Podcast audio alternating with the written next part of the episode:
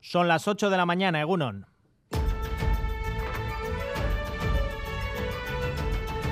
Crónica de Euskadi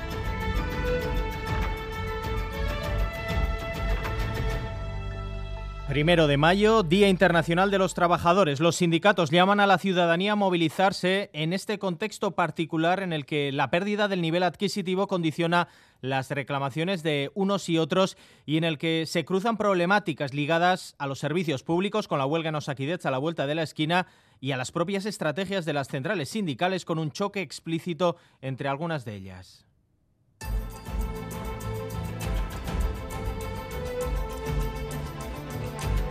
Porque el sindicato ha decidido que la huelga esté en el centro de, su estrategia. Es ingenuo pensar que sin movilización, sin lucha, sin activación en los centros de trabajo en la calle, eh, me da igual, se le llame diálogo social. La temperatura de las reclamaciones de los trabajadores se va a tomar en todas las capitales vascas, escenarios de las manifestaciones con algunas citas centrales. El sindicato ELA va a tomar Bilbao desde Sagrado Corazón y Pamplona, en cambio LAB ha convocado ocho marchas en todo el país comisiones y UGT de la mano se van a movilizar en las capitales.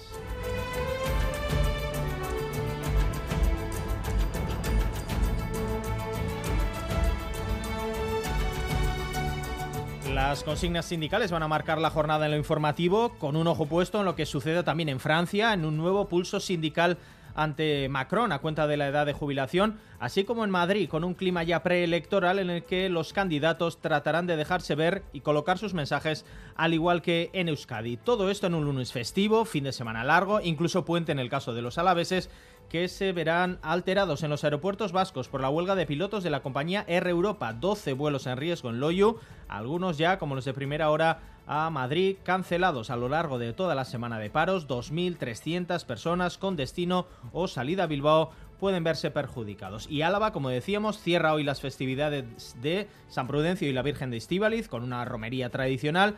Este año, sin embargo, acompañada de un hecho relevante. Se va a escenificar hoy mismo el relevo al cargo de las dependencias del monasterio en Estíbaliz. Enseguida ampliamos.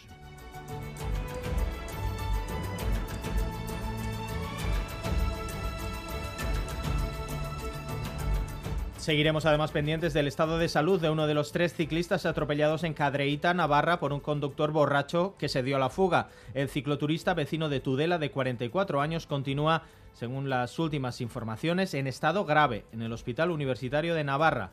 El conductor se prevé que pase hoy a disposición judicial.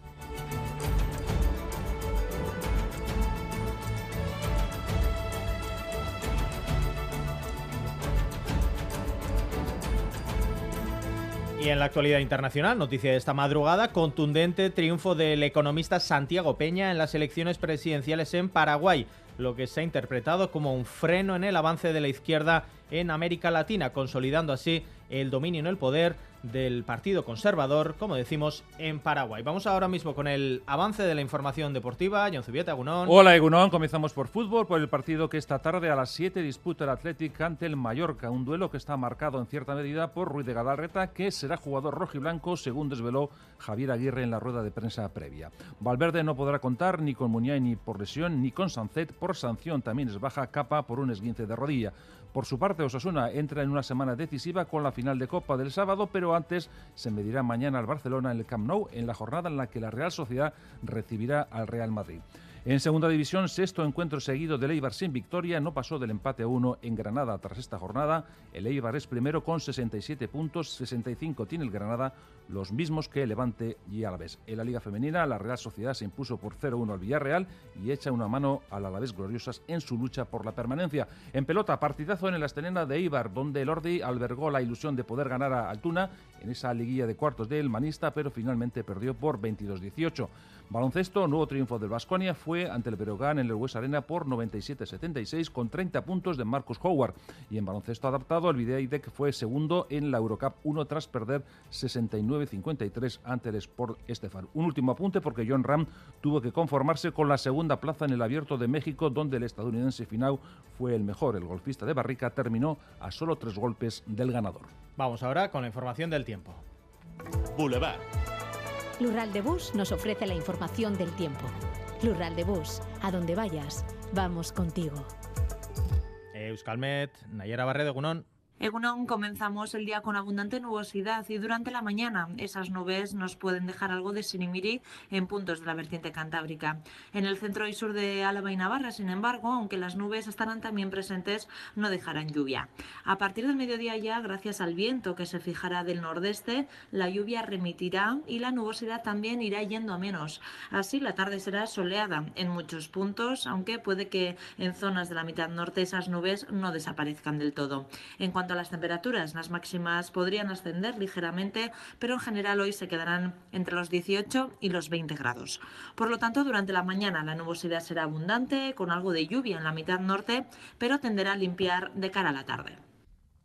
En cuanto a la información de carreteras, sin problemas a estas horas, según la información del Departamento Vasco de Seguridad, ya lo saben, el WhatsApp de Radio Euskadi, el 688-840-840, si son testigos de cualquier incidente en las carreteras. En el control técnico, Jorge Ibáñez y Maitane Bujedo, una pausa y comenzamos. Turno de tarde en el hospital. Ocho horas me esperan.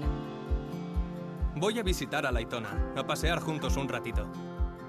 Con las amigas al teatro. ¡Qué ganas tenía ya! Porque la vida vuelve y el transporte público es vida, en Lural de Bus, donde vayas, vamos contigo.